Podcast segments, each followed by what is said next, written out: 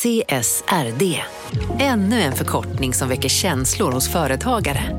Men lugn, våra rådgivare här på PWC har koll på det som din verksamhet berörs av. Från hållbarhetslösningar och nya regelverk till affärsutveckling och ansvarsfulla AI-strategier. Välkommen till PWC. Hej! Är du en av dem som tycker om att dela saker med andra? Då kommer dina öron att gilla det här. Hos Telenor kan man dela mobilabonnemang. Ju fler ni är, desto billigare blir det. Skaffa Telenor familj med upp till sju extra användare. Välkommen till någon av Telenors butiker eller telenor.se. Du, åker på ekonomin. Har han träffat någon? Han ser så happy ut. Var det onsdag? Det är nog Ikea. Har du dejtat någon där eller? Han säger att han bara äter. Ja, det är ju nice där alltså. Missa inte att onsdagar är happy days på IKEA. Fram till 31 maj äter du som är eller blir IKEA Family-medlem alla varmrätter till halva priset. Välkommen till IKEA.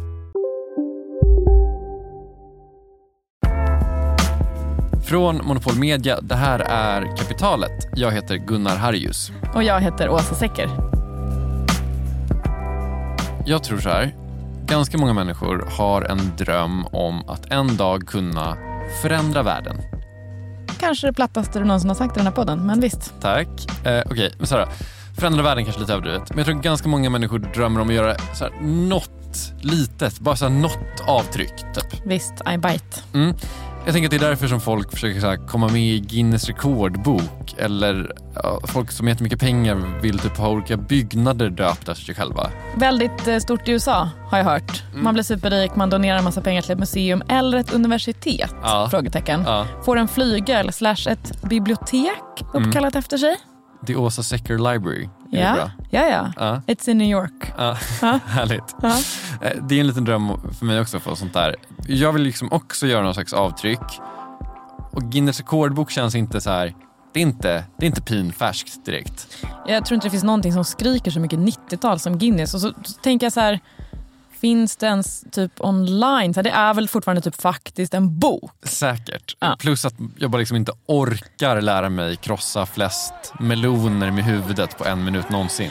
45 stycken. Mm.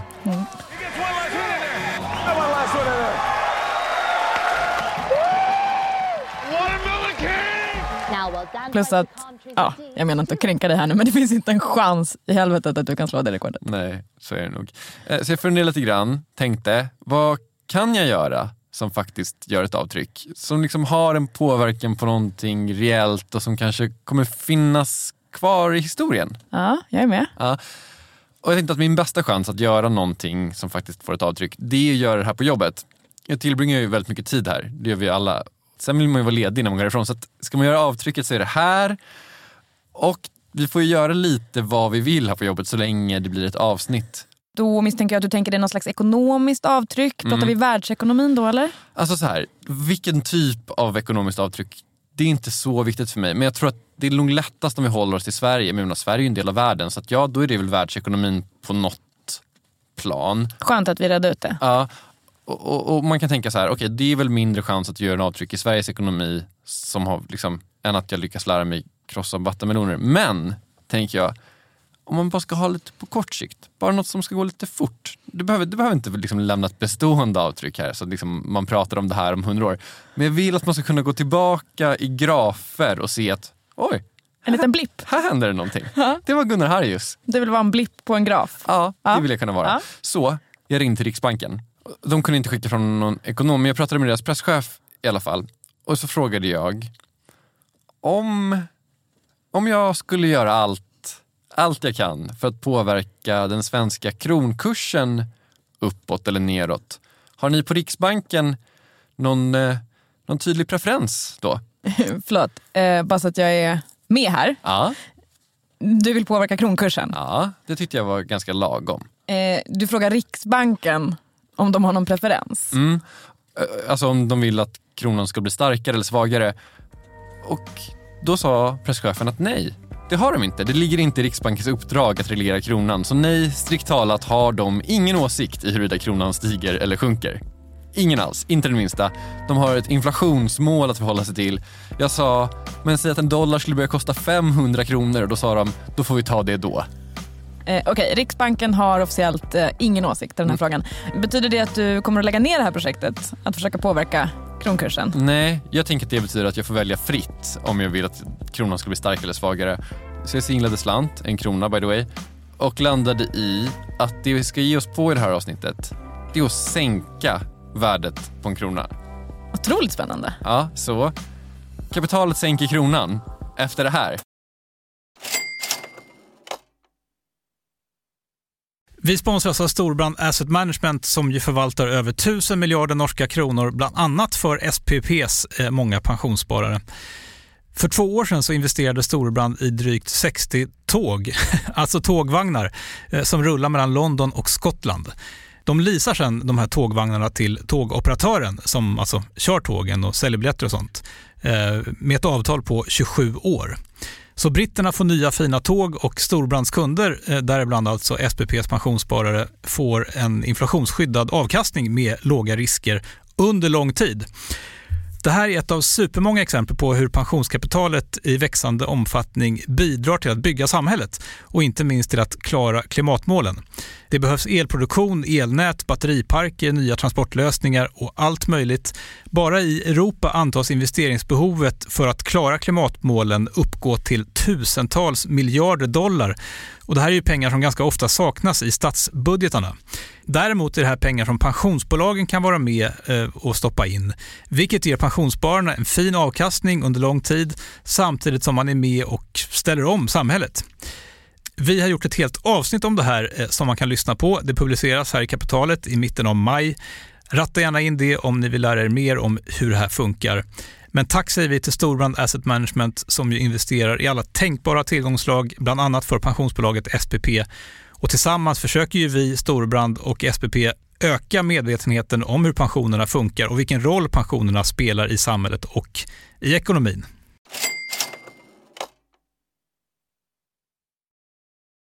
Så dagens självpåtagna uppdrag, påverka värdet på en krona. Eh, Får jag direkt bara sänka förväntningarna och säga att vi kommer inte lyckas med det här? Det, det kan du absolut få. Det känns inte heller som en stor spoiler, för att om kronkursen hade påverkats radikalt på något sätt, om än tillfälligt, så går det ju ett par dagar mellan att vi spelar in det här och att lyssnarna hör det. De hade ju märkt om kronan faktiskt hade påverkats. Mm, och det har den ju inte. Nej, men du har i alla fall försökt. Mm, jag har i alla fall undersökt vad som skulle krävas om man skulle försöka. Vi kan kanske göra ett uppföljningsavsnitt och faktiskt testa de här grejerna någon gång. Ehm, men men in, inte idag då. Okej, eh, kör. Så, efter att jag pratat med Riksbanken, eh, som då trycker den svenska valutan men tydligen inte bryr sig särskilt mycket om den, så pratade jag med en annan person. Ja, Carl Hammer. Han ansvarar för makro, ränte och valutaanalys på Skandinaviska Enskilda Banken.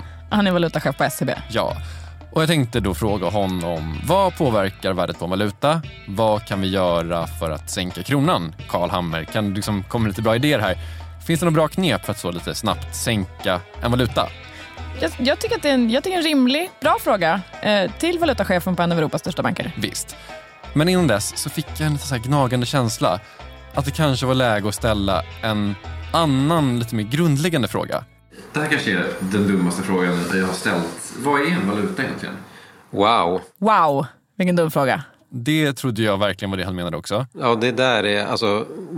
En valuta är ju ett relativt pris mellan två länders, vad ska man säga, konsumtionskorg eller relativt pris mellan två olika varor producerade i två olika länder. Wow, Wow. Wow. inte en dum fråga alltså. Tydligen inte. Och eh, vad betyder det? Alltså vad är ett relativt pris mellan två länders konsumtionskorg? Frågetecken. Nej men alltså det är ju... ehm, ja, det här, det här är jätteintressant för att, att förklara valutor på ett pedagogiskt sätt. Det, det är ju det är en utmaning. Jag, nej, jag kan nog inte säga det på ett bättre sätt. Alltså, Du skojar. Nix. Okej, slut på avsnitt då. Vi har inte lärt oss någonting. Förutom att valutor är ett eh, relativt pris mellan två länders konsumtionskorg. Nej, okej, så här.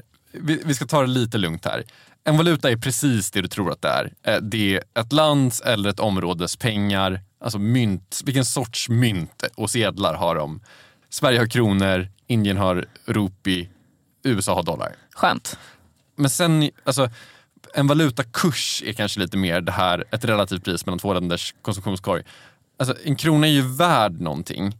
Eh, man kan ju få en viss mängd grejer för en krona Nästan ingenting alltså. och man kan få en viss mängd grejer för en dollar Lite mer.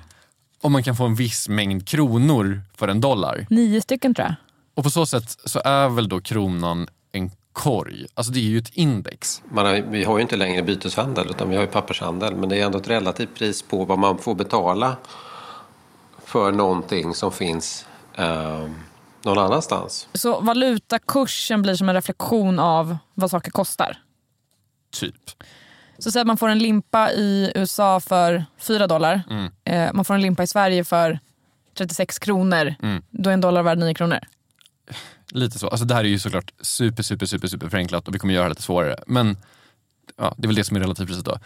Eh, om man då tycker att den amerikanska limpan är värd 4 dollar slash 36 kronor. Min, eh, vår chefsekonom Robert Bergqvist brukar prata om att det är aktiekurser för ett land.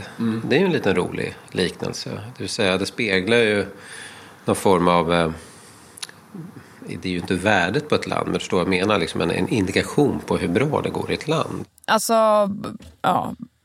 Bara för att min hjärna funkar som den funkar så tänker man så här, stark är bra, så stark krona är bra för Sverige. Så Ja. har jag alltid tänkt. Mm. Men alltså, jag vet ju inte vad det betyder egentligen. Okej, lite grundläggande valutaekonomi då. Säger du utbud och efterfrågan nu så... Utbud och Nej, då efterfrågan. spyr jag alltså. Utbud samt efterfrågan. Om någon vill ha jättemycket kronor så kommer kronor att bli dyrare. Det är det som är utbud och efterfrågan. Alltså om någon vill köpa massa kronor, då stiger värdet på kronor. Okej, då måste tänka. När vill någon köpa massa kronor? När man ska till Sverige och turista typ. Ja, det är ju en grej då. Men det är ju inte så här, den mest avgörande delen av kronkursen. Liksom avgörs inte av hur många tyskar som kommer hit. Utan De är ju ganska då. många, men visst. okej. Eh, nej, men när man ska köpa svenska varor då? Precis. Du är ett amerikanskt bolag, du vill köpa massa svenskt stål. Ja, klassisk vara. Ja. Och det du måste göra då, det är att växla pengar från dollar till kronor. För att jag, stålverket, har ju prissatt mitt stål i kronor per ton kanske. Så du växlar dollar till kronor och sen köper du då det här svenska stålet. Och så kanske fem, sex bolag vill göra det på en dag, köpa lite stål, växla till sig en miljard kronor. Och då blir det en ökad efterfrågan på kronor. Ja. Det fattar man ju. Och då stiger värdet på kronan. Ja, Okej, så på- det sättet då så är kronkursen som en aktiekurs för Sverige. För att när Mm. det går bra för våra bolag så vill många köpa grejer av dem, alltså stål. och då behöver de eh, köpa kronor för att kunna göra det. Eh, och då stiger kronkursen. Precis. Och om eh, jättemånga bolag över hela världen under en längre tid vill köpa svenskt stål mer än vanligt, då kommer kronan liksom över tid att stiga. Men det är liksom totalt uteslutet för oss att liksom försöka förändra kronkursen över en längre tid. Alltså det, det vi liksom, om vi ska ha en chans att påverka kursen mellan två länders valutor idag så kommer det handla om extremt kort sikt. Att påverka valutakurser på lång sikt, det verkar vara i princip det svåraste man kan göra. Så svårt faktiskt att det i princip inte finns någonting som stoppar oss från att försöka. Valutamarknaden har aldrig haft så kallade insiderregler därför att man har antagit att valutamarknaden är för stor och, och likvid så ingen enskild aktör kan komma in och bara sätta och påverka marknaden i någon större utsträckning. Och det är också ganska synonymt. Jag menar, eller säg så här, det, det är ingen som antas kunna ha en sån impact på en växelkurs att man har haft samma regler för valutamarknaden som man haft för aktiemarknaden. På lång sikt är det för svårt att påverka kursen på valuta för att kunna för att den ska vara värt att reglera det. Och om det är svårt att påverka en växelkurs så är det tydligen då det svåraste man kan göra att gissa vad som kommer hända med kronkursen. Alltså det är tydligen då ett så här stående skämt bland ekonomer att liksom valutaekonomer är så himla dåliga på att förutspå vad som kommer hända med valutakurser över tid. För det är liksom ett så pass hopplöst uppdrag. Toppenskämt verkligen. Heja ekonomerna. Ja. Eh, men om vi, alltså, om vi ändå ska göra ett ärligt försök. Mm. Alltså vi inte, bara, vi inte tramsar runt bara här. Ja. Då måste vi gå tillbaka till det här med utbud och efterfrågan känner jag. Även om det tar lite emot. Ja. Eh, för det känns som att det är grunden. Mm. Så säg att du vill förändra värdet på kronan. Mm. Alltså, kan man inte så här, köpa eller sälja massa kronor då? Köp massa kronor för dollar förslagsvis. Precis, kan man öka utbudet av kronor så pass mycket så kommer då värdet på kronan sjunka lite grann och då får vi påverkat växelkursen. Klart, varsågod. för en superbra idé? Eh, vet du vad valutamarknaden, alltså att köpa och sälja valutor, vet du vad den marknaden omsätter? Nej. Valutamarknaden omsätter 5-6 tusen miljarder dollar per dag, vilket är en ganska galen siffra. Ursäkta? Mellan 5 och 6 tusen miljarder dollar varje dag. Jag kan inte ta in hur mycket pengar det är. Det är fruktansvärt mycket pengar. Det är faktiskt helt astronomiska summor. Eh, Så här faller då din del lite grann om att liksom öka utbudet på valuta så pass mycket att valutakursen påverkas. Eller då, alltså, ja, sälja så många kronor att den sjunker. Men det är inte så att, att, så här, att det är kronor som handlas för 5 till 6 tusen miljarder om dagen. Nej, så är det såklart. Kronor är med i typ 2% av alla affärer, vilket låter sjukt mycket tycker jag, men det är tydligen sant. Eh, det blir då 110 miljarder dollar om dagen eller 1000 miljarder kronor om dagen. Fortfarande ganska mycket pengar. Ja, det är typ en statsbudget om dagen. Men ändå, alltså, okej jag, jag fattar så här, det här spåret.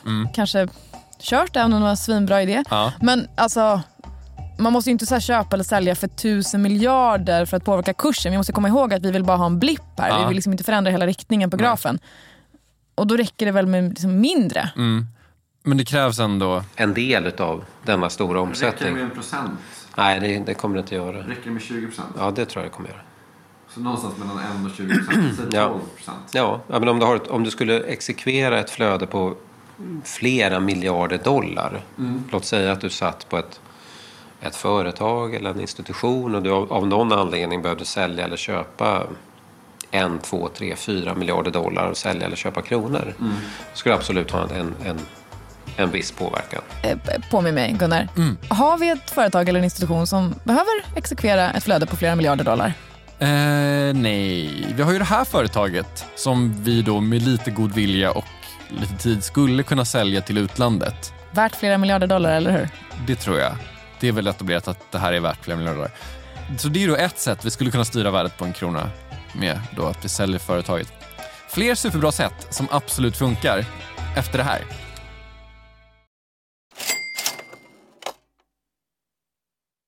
Kapitalet sponsras av Master Exchange, plattformen där du som privatperson kan investera i låtar och får pengar varje gång de här låtarna spelas. Eh, vi berättade ju senast eh, om barnlåten Puff the Magic Dragon som noterades av Master Exchange under våren. Nu har utdelningen på den låten kommit, eller royaltyn som vi säger i musikbranschen. Eh, den ligger på drygt 12% i årstakt och det här är ju en avkastning som är helt okorrelerad till börsen. Till och med Goldman Sachs har börjat skriva om just musik som investering just ur det här perspektivet. Nu finns en möjlighet att investera i en ny låt. Eh, låten heter Boss Bitch och den är av Doja Cat eh, som, eh, alltså jag ska inte säga att jag är superdeep här men eh, det är ändå en, en person som jag vet om det är. En, en världskändis. Den här låten gav baserad på förra årets spelningar en avkastning på drygt 13% Master Exchange har just nu en väntelista på registreringar. Det, det går lite för bra för dem kan man säga. Men skriver ni in kapitalet som promo code så kan ni runda kön och ansöka om andelar i låten Boss Bitch ändå. Om ni investerar helt vanliga pengar, det är inget krypto eller sånt där. Så vill du investera i musik och få en avkastning som är helt okorrelerad med börsen och kanske inte minst för att det är kul att äga låtar eh, så kan man gå in på masterexchange.com och använda kapitalet som promo code så går man alltså förbi kön. Kom ihåg dock att alla investeringar är förenade med risk men vi säger stort, stort tack till Master Exchange. Kapitalet sponsras av Karla, Jakob. Ja, bilar igen. Ja, det är härligt. På Karla kan man sälja sin elbil eh, på det gissningsvis smidigaste sättet i Sverige. Eh, Karla har ju ett fakt- nästan ett komiskt högt användarbetyg på Trustpilot. Mm. 4,8 av 5, vilket jag typ aldrig hört talas om. Nej, det är väldigt, väldigt högt. Eh, Man knappar in lite info om bilen på sidan, sen får man en gratis värdering och ett bud. Accepterar du budet kommer Karla och hämtar upp bilen gratis och sätter in pengarna innan de kör iväg. Inget mer än så. Rätt fantastiskt. Nej, det är faktiskt Ja. helt otroligt. Och eh, det kan bli ännu mer eh, otroligt än så. eh, För att vi har nämligen en rabattkod som ger dig 2000 kronor extra för bilen. Så om du säljer din bil så får du två lax extra. Stämmer. Bara sådär. Eh, koden är Monopol. Och eh, den uppger du när du har värderat bilen och eh, pratat med Karlas inköpare. Koden är giltig till sista maj, så att eh, passa på om du går i säljartankar. Jag undrar om vi haft en kod som har gett två lax bara sådär någon gång?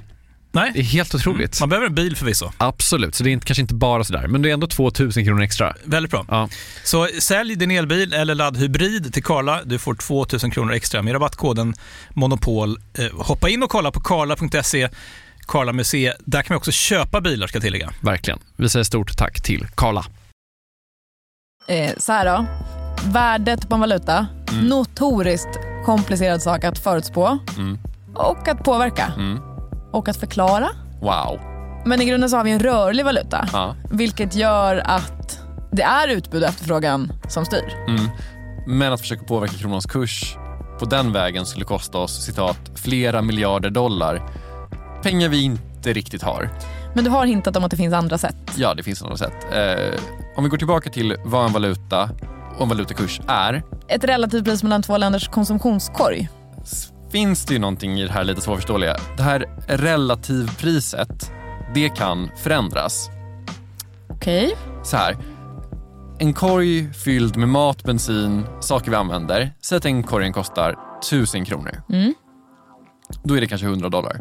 Men säg att den korgen börjar kosta 1200 kronor istället för 1000 kronor. Samma varor, men nu då 1200 kronor. Ja. Visst borde det hända någonting då med kursen mellan dollar och kronor? Pratar du om det hyfsat välkända fenomenet inflation kanske? Alltså inflation och värdet på pengar i ett land är ju, är ju inverterat eller korrelerat på inversen om jag ska uttrycka det. Va? Jag menar, stiger inflationen då borde värdet på valutan gå ner därför att det blir ju dyrare. Och eh, därmed så krävs det ju mer av utländska pengar för att köpa något i ditt land och det måste kompenseras på något sätt. Speciellt om landet ska upprätthålla sin konkurrenskraft externt. Är det olika inflation i två olika länder så förändras ju då priserna inte jämnt och då borde det hända någonting med valutakursen. Alltså, får vi mycket inflation i Sverige så blir ju då våra pengar värda mindre och då borde man då få fler kronor för en dollar. Om det inte är lika mycket inflation i USA. Precis. Så då har vi då två val. Val ett. Skapa deflation i USA för att göra att dollarn blir mer värd och att man på så sätt får fler kronor för en dollar. Eh, Svår uppgift. Ja, det är lite lurigt att orsaka deflation i världens största ekonomi, bara liksom du och jag. Men eh, då kan vi kanske skapa inflation i Sverige. Mm. Det har ju också visat sig vara väldigt svårt. Eh, vi har haft ganska stora problem med att få igång det här med inflationen i Sverige och där känns det inte heller som vi kan göra supermycket. Eh, betyder det att vi har slut på alternativ? Alltså kan vi inte göra något för att sänka kronan?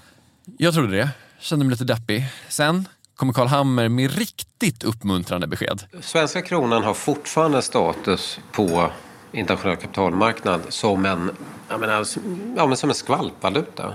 Alltså att kronan är benägen att svänga upp och ner väldigt fort. Sverige är ett litet öppet land, vi är väldigt beroende av global handel, vi är exportberoende. Allt det här betyder då tydligen på den här kapitalmarknaden, eller liksom valutamarknaden, att om någonting händer så är liksom marknadens ryggradsreflex att bara, nu sänker vi värdet på kronan. Det låter inte toppen för kronan eh, kanske. Men för vårt syfte i det här avsnittet, jättebra. Ja, eh, vilket då gör att våra möjligheter i princip blir oändliga.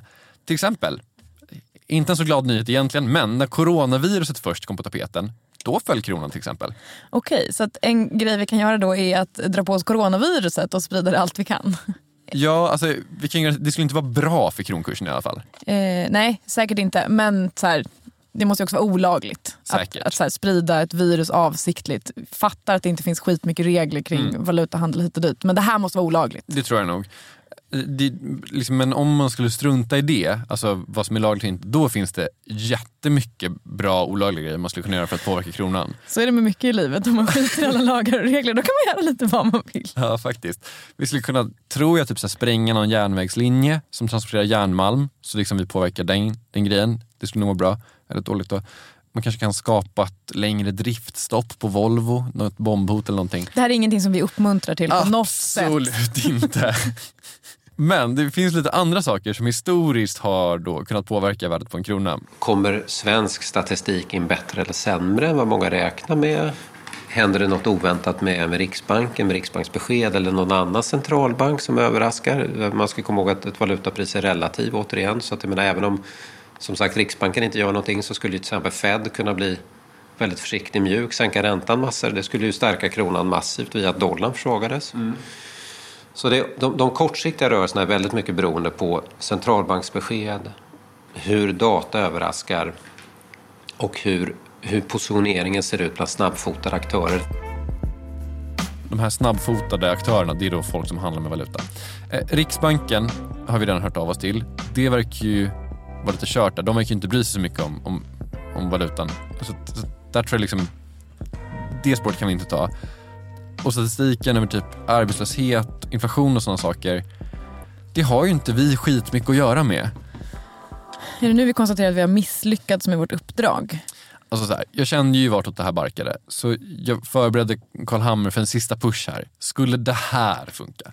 Om vi gör allt samtidigt. Vi drar vårt strå till stacken för att liksom spinna på inflationen, höjer våra priser på annonser och poddproduktion och sådana grejer för att liksom hjälpa till med inflationen. Sen säljer vi företaget och så köper vi dollar för alla pengar för att öka utbudet på kronor på marknaden. Och sen så säger vi upp oss från företaget för att öka arbetslösheten. Och sen, det här är inte helt lagligt, så drar vi på oss coronaviruset. Karl Hammer, visst skulle det funka? Ja. Du har absolut inte tagit Karl Hammers ord ur sitt sammanhang här, eller? Kapitalet är slut för den här veckan. Lyckas vi med allt så är vi inte tillbaka nästa vecka. Sorry för det. Kristoffer Krook har mixat. Jag heter Gunnar Harjus. Du heter Åsa Secker. Vår chef heter Jakob Bushell. Eh, glöm inte att ni kan sprida kapitalet eh, på valfritt roligt sätt.